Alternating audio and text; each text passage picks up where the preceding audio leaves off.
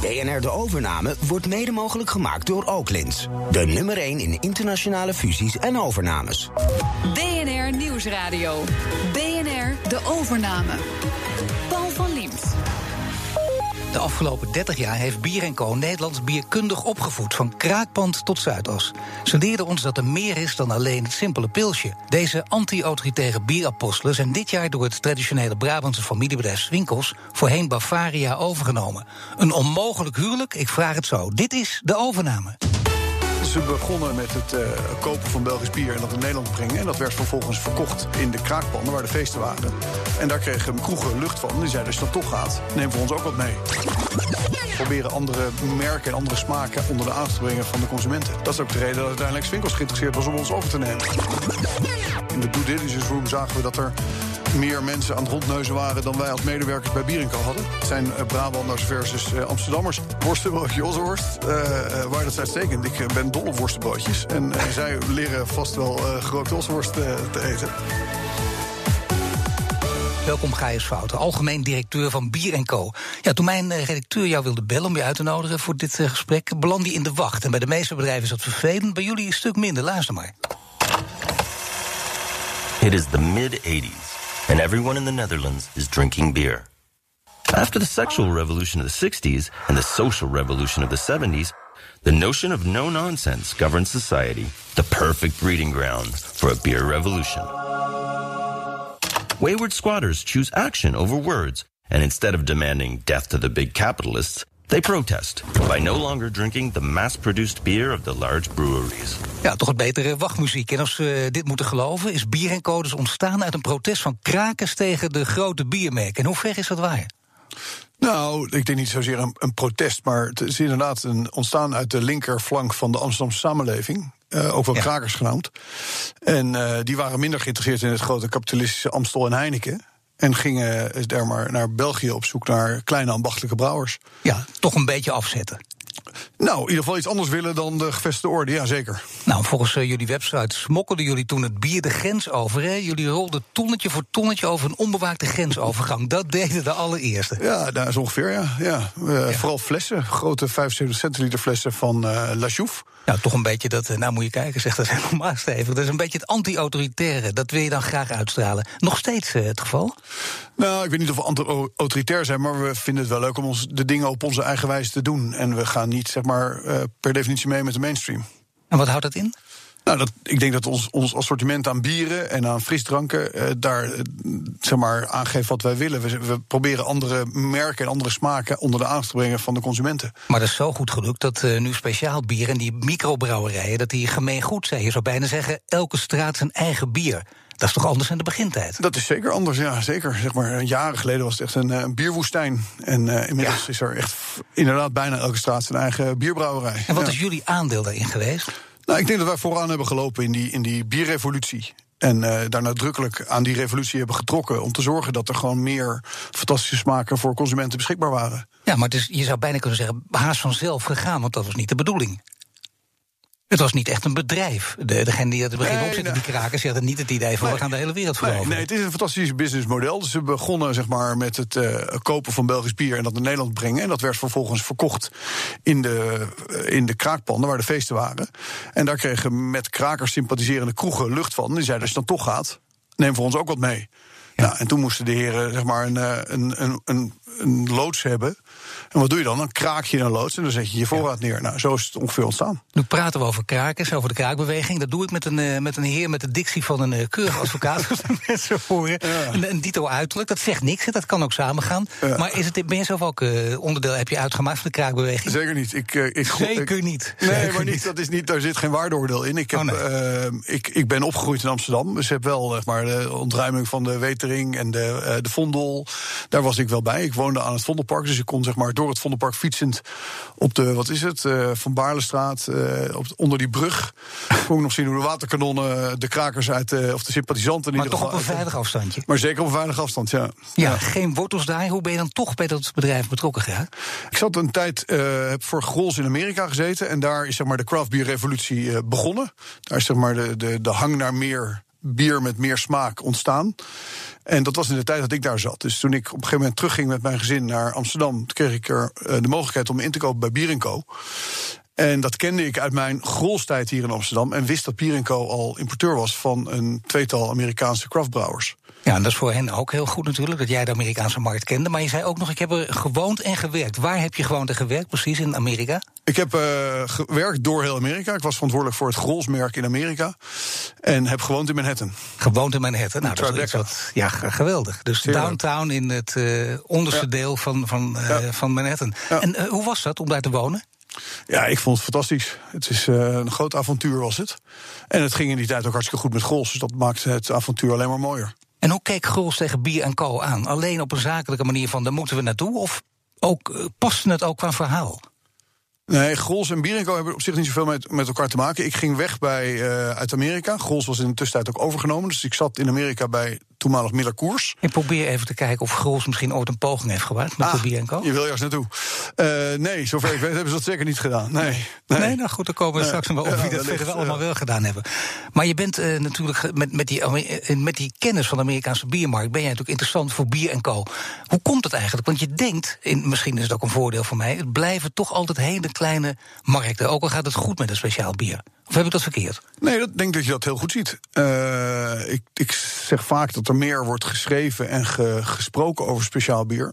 Uh, dan dat er daadwerkelijk nog verkocht wordt. Omdat het van die mooie romantische verhalen zijn. Jawel, maar het zijn ook mooie en romantische bieren. Ja. En, het, uh, en daar, daar gaat het uiteindelijk om. En we staan nog maar aan het begin. Ik denk dat dit, dit is geen hype, dit is, dit is here to stay. Dus de groei zal zeker doorzetten. Uh, maar vanaf de jaren 80 tot 2010, hè, laten we zeggen, tot jouw komst, heeft het zich behoorlijk ontwikkeld. En, en nu ben jij er. Ik weet niet of er een samenhang is. Maar nu komt er een stormachtige ontwikkeling. Nee, die is er wel. En ik denk dat die stormachtige ontwikkeling zich gewoon nog wel doorzet. Ik bedoel, men heeft gewoon behoefte aan meer smaak en meer keuze. En, en bier en alle brouwers die eromheen zitten, die bieden die keuze. Nou ja, ik denk dat je gelijk hebt, want uh, zelfs Heineken, de koning van de commerciële pils... die kwamen vorig jaar met een webwinkel voor craftbier, Beerwolf. Wat vond je daarvan? Ja, zeer uh, interessant initiatief. Uh, het is een interessante klant van Bier Co. Dat klinkt heel netjes altijd. Uh, nee, maar het, het, het, het, is natuurlijk... kijk, ons doel is altijd geweest om zoveel mogelijk mooie producten... mooie bieren of frisdranken, bieren met een verhaal... aan zoveel mogelijk consumenten beschikbaar te maken. Nou, een Bierwolf heeft die markt enorm veel verder opengemaakt...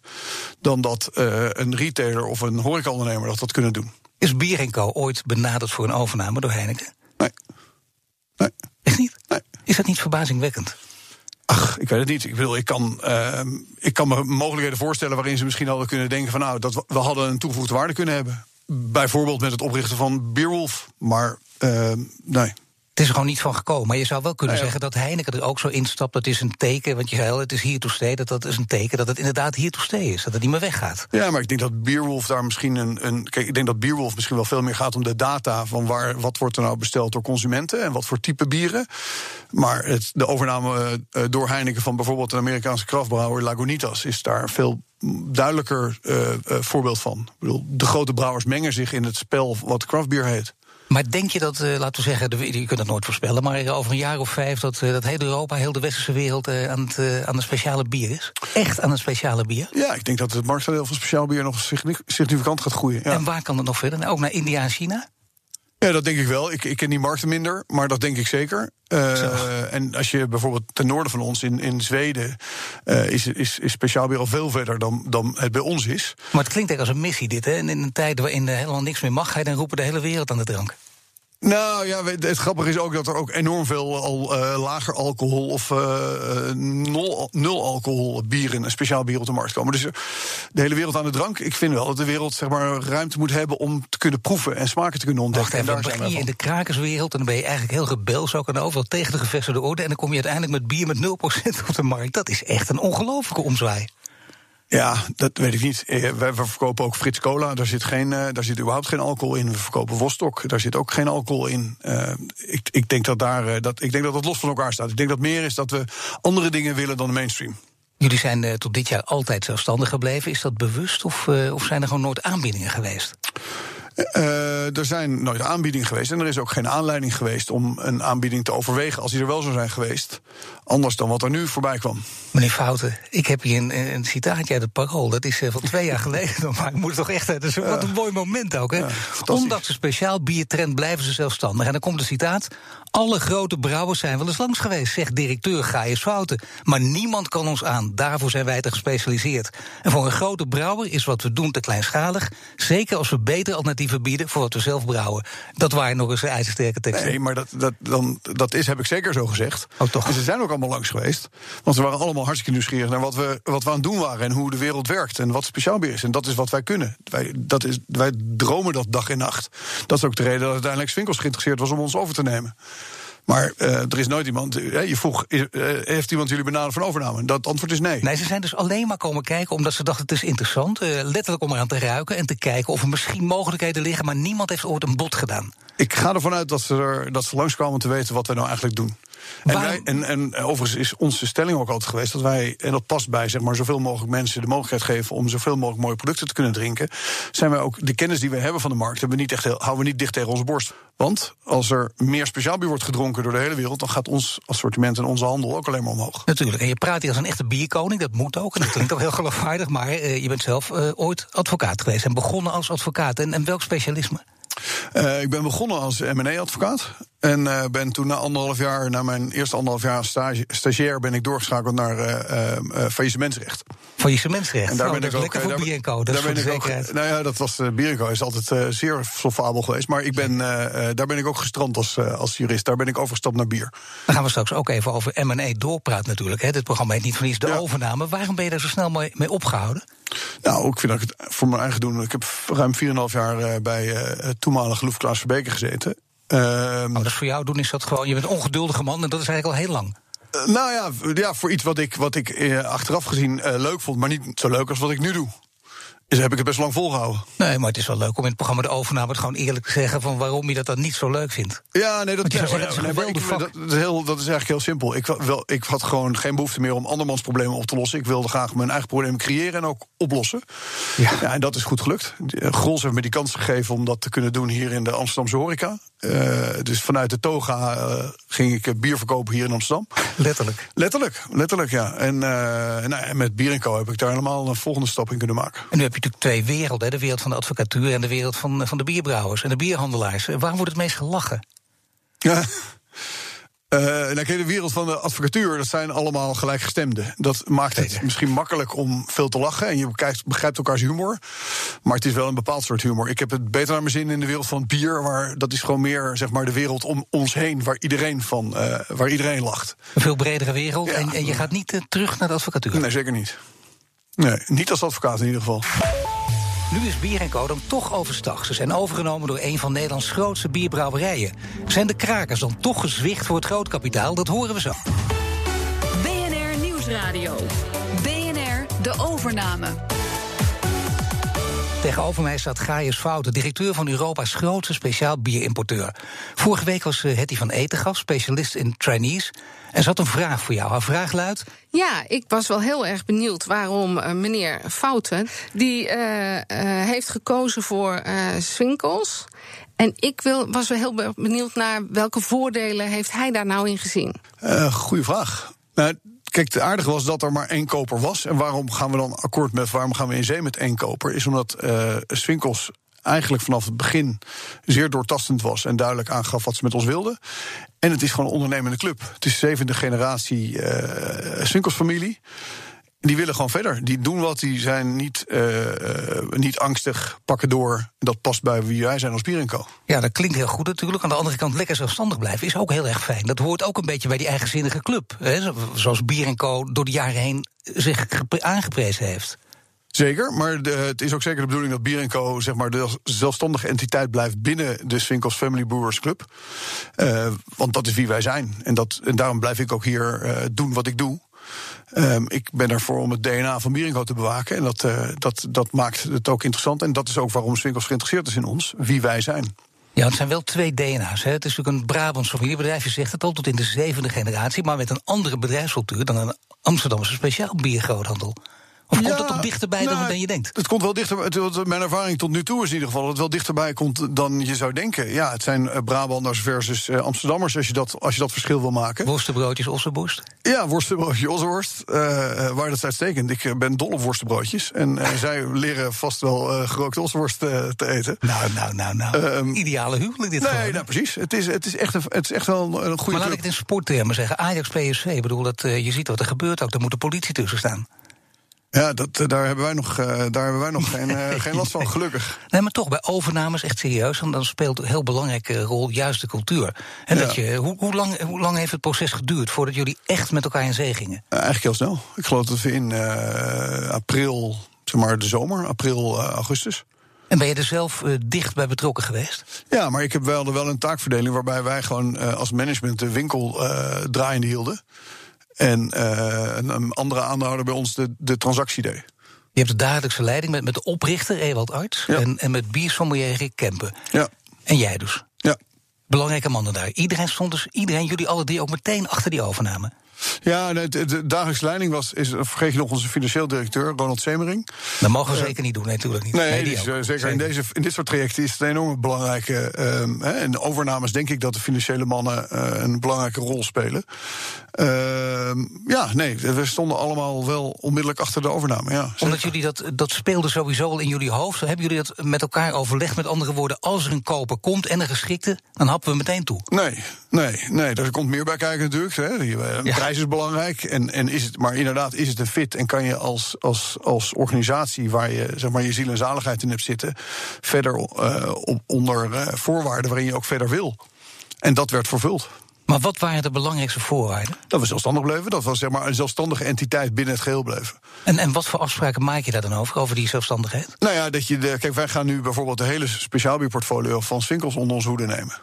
Dus dat blijft ook gewoon als een bier en co-entiteit blijven we in die zin opereren. Dat betekent, als je naar jullie website kijkt, dan, dan zie je niks dat naar Swinkels verwijst. Nee. En dat is niet alleen nu het geval, maar dat blijft tot in lengte van jaren waarschijnlijk het geval. Al dat weet ik niet. Ik bedoel, het is, Nee, ook, nou het is ook niet iets waar je je voor hoeft te schamen dat je onderdeel bent van Swinkels Family Brewers. Nee, helemaal niet. Nee, Eh, natuurlijk niet. Ik misschien- vraag alleen, je kunt Misschien zijn we daar gewoon niet eerst naartoe gekomen om, dat, eh, om, dat, eh, eh, om daar iets aan te doen. Maar voorlopig is er ook helemaal geen behoefte aan om dat op een andere manier eh, eh, te verwoorden. Nee. Dus, dus het zou best kunnen dat over een paar jaar heet het Swinkels Co.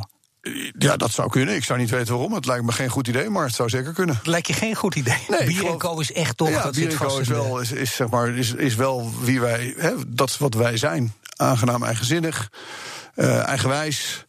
Eh, ja, eh, en speciaal bier. En, en daarmee dus ook heel anders dan de familie Swinkels. Nou, die zijn ook zeer eh, eigenzinnig. Ik wou zeggen. dus, eh, dat- Lekker zeg, al die eigenzinnige mensen, kom op hé. Een beetje familie met veel eigenzinnige types. Dat, dat loopt dus heel gezellig. Maar dat kan ook tot heel veel heisa leiden. Ja, maar als, voorlopig doen wij ons ding. En, en doet Swinkels vooral waar zij al jaren heel goed in zijn. En het, wat, je, wat misschien ook wel belangrijk is om erbij te zeggen. Wij, wij zijn een, een marketing- en salesorganisatie. Ja. Eh, importeren bieren van over de hele wereld en distribueren die en verkopen die binnen Europa. Wat wij niet hebben is brouwexpertise. En dat is natuurlijk wat Swinkels wel heeft. En wij werken met heel veel hele kleine brouwers, of relatief kleine brouwers, die die expertise vaak wel bij ons zoeken. En met Swinkels in onze, hè, met, met de kennis van Swinkels, de brouwexpertise, kunnen we onze partners nog veel verder helpen. Op dat vlak ook. En nu zijn jullie ook door Swinkels geholpen. Dat zie je vaak bij een overname. Jullie zijn de overgenomen partij. En dan kun je, als het goed gaat, eh, financieel onafhankelijk worden. Is dat bij jou ook gelukt of niet? Nou, ik, ik zit er veel beter bij dan menigeen in Nederland en in de wereld. Eh, Ik ben, geloof ik, niet financieel onafhankelijk. Maar ik Geloof je niet? Dat nee, weet je niet. nee, ik weet niet. Ik, je denkt, ik, zou kunnen, maar van je, aan je, bij je vrouw checken. ik heb het, ja, ja bewijs van. Nee, maar wij hebben het prima. Ehm, ehm, ik, ik sta er ook niet zo bij stil. Of dat, eh, een, dat speelt eerlijk gezegd geen rol. De onafhankelijkheid. Ik doe wat ik leuk vind. Dat is, toch, eh, dat is toch op zichzelf heel prettig als je dat doet. Want dan ben je helemaal nergens meer van afhankelijk. Letterlijk ook. Kun je echt doen wat je wil. Nooit meer over geld na te denken. ja, maar het voelt ook niet als een, eh, als een, eh, als een burden om dat, om dat gevoel niet te hebben. Ging het, ging het ook in, in, tijdens de overname voor een belangrijk deel over geld... of ging het vooral over andere dingen? Nou ja, het ging zo snel, hè, dat verbaast me een beetje. In, in, drie, nou ja. vier maanden als het beklonken. Ja, dat, dat, dat, dat, ik, dat is denk ik juist het mooie aan deze overname. En misschien is hij daarin uitzonderlijk. Maar daarom is er, is er ook niet. Ik, ik kan echt niet zozeer een, een, een randje verzinnen waar het, waar het schuurt of waar het eh, eh, lastig is. Ehm, Nee, ik geloof dat het dat Kun je geld. vertellen over hoe dat dan ging, hoe je bij elkaar kwam? Ik bedoel, uh, steeds op initiatief van Swinkels uh, in, ergens in Brabant? Of, of ging je dat keurig afwisselen? Of nee, je kiest nee, vaak dat, ook locaties ook, uit. Nee, maar ook daarin. Kijk, wij, ik, je vroeg net van ja, alle brouwers zijn er langs geweest. Dat heb je toch verteld twee jaar geleden. Parool. Ja, wij, wij spreken elkaar veel in Brouwersland Nederland. Dus we ja. weten uh, wat we aan elkaar hebben, wie, wie wat doet. We weten alleen niet precies wat iedereen doet. En Birico is dan misschien een vreemde eend in de bijt. Op de manier waarop wij onze handel drijven. Um, en, uh, maar je hoeft de winkels niet uit te leggen hoe onze handel in elkaar zit. He, behalve dan dat wij 34 principalen vertegenwoordigen, wat misschien veel is, en geen merkeigenaar zijn. Nee. Maar op zich, hoe het bier naar de kroeg moet en hoe het bier naar de, naar de retail nee. komt, dat weten zij ook uitstekend. Dus voor hun is die hele organisatie ook redelijk makkelijk te doorgronden. Dus dan heb je het meer over, oké, okay, wat, wat zijn de. We waren al vrij snel zeg maar, in een soort van executie van wat zijn dan vervolgstappen en waar, hoe gaan we de waarden die jullie zoeken ook daadwerkelijk. Uh, hoe gaan we bier ook te gelden maken voor de organisatie Swinkels? Jij bent ooit begonnen als uh, M&A-advocaat, als jonge M&A-advocaat. Heb je in deze overname nog iets aan die kennis gehad of niet? Nou, ik denk dat eerlijk, uh, eerlijk antwoord nee is. Ja, nee, ik ben wel een juridisch gevaar op de weg inmiddels. Dus uh, ja, nee, dat is uh, te lang geleden. Gelukkig hadden we, hè, bedoel, als je het nou hebt over adviseurs, hadden wij uitstekende adviseurs aan onze kant. En Jullie aan... hadden er veel, maar ik denk dat de overnemende partij Swinkels er ook heel veel had, of niet? Uh, ja, die hadden er. Nou, wij hadden er nog niet zoveel. Wij hadden vooral uh, uh, twee advocaten van uh, Loef Klaas Verbeek. Toevallig mijn neef Harmen Holtrop, die daar. Of, nee, Loyens Loef heette tegenwoordig natuurlijk. Hey. Maar mijn neef Harmen Holtrop was daar de, de lead lawyer in. Dus jullie ook een beetje familiebedrijfje? Ja, nou ja, ja. Dat, dat was toeval. Het kwam eigenlijk via andere aandeelhouders, werd hij naar voren geschoven. En ik vond het alleen maar leuk natuurlijk om zoiets met hem te doen. Uh, maar aan de Swinkelskant uh, zat Ellen Overy en uh, KPMG. En daar zaten op een gegeven moment wel, hadden wij in de due diligence room... zagen we dat er meer mensen aan het rondneuzen waren... dan wij als medewerkers bij Bierenko hadden. Uh, dat was een interessante, ja, inclusief de mensen van Swinkels dan. Hè? Ja. Dat was een interessante constatering, maar verder ook niet meer dan dat. Maar ik snap het ook wel. Uh, zeker naarmate dit programma uh, langer duurt en meer afleveringen kent, begrijp ik dat die adviseurs een rol spelen. Toch kom ik nog regelmatig mensen tegen die over dit onderwerp praten en zeggen: die adviseurs hebben wij niet nodig. Hoe kunnen wij gewoon zelf zonder van je geld? Nee, dat geloof, ik, dat geloof ik niet. Nee. Zijn dat alleen maar stoere praatjes of, of zijn nou, sommige gelijk ik, ik kan alleen maar voor mezelf daarover uh, uh, beslissen. En ik geloof dat wij aan onze kant dus hele goede adviseurs hadden. En ik geloof dat Swinkels ook uitstekende mensen aan hun kant had. En dat ook wel nodig heeft om gewoon zo'n deal goed te structureren. Ik begrijp dat wel. Ja, zeker. En kennis maar... kun je beter gewoon, uh, je kan beter gewoon goede kennis inkopen dan dat je het besluit er vanaf te zien. Dat is een beetje mijn adagium. Waar hoop je eigenlijk op met deze overname? Met andere woorden, wat kan deze overname jullie brengen? Nou, wat deze overname ons gaat brengen en wat de overname zeg maar, de consumenten gaat brengen, is dat er gewoon de, de, de verkrijgbaarheid van de bieren die wij vertegenwoordigen enorm verhoogd wordt. Um, en vooral ook dat dus onze partners, onze principalen. Want ik zei net, we zijn geen merkeigenaar, we vertegenwoordigen merken. Uh, Brewdog uit Schotland, Wijn Stefan uit Duitsland. Dat die zeg maar, een enorme stap kunnen maken in de Nederlandse markt. Dat kan ik me voorstellen, ik weet het niet, ik wil het echt van jou weten. We praten heel lang over bier en je hoeft ook niet per se bier lekker te vinden natuurlijk als je in dit bedrijf werkt. Ik ken iemand die, die 30 in de kazen zat en totaal niet van kaas hield. Uh, ben jij meer van de wijn of je toch van bier? Nee, ik ben een bierman.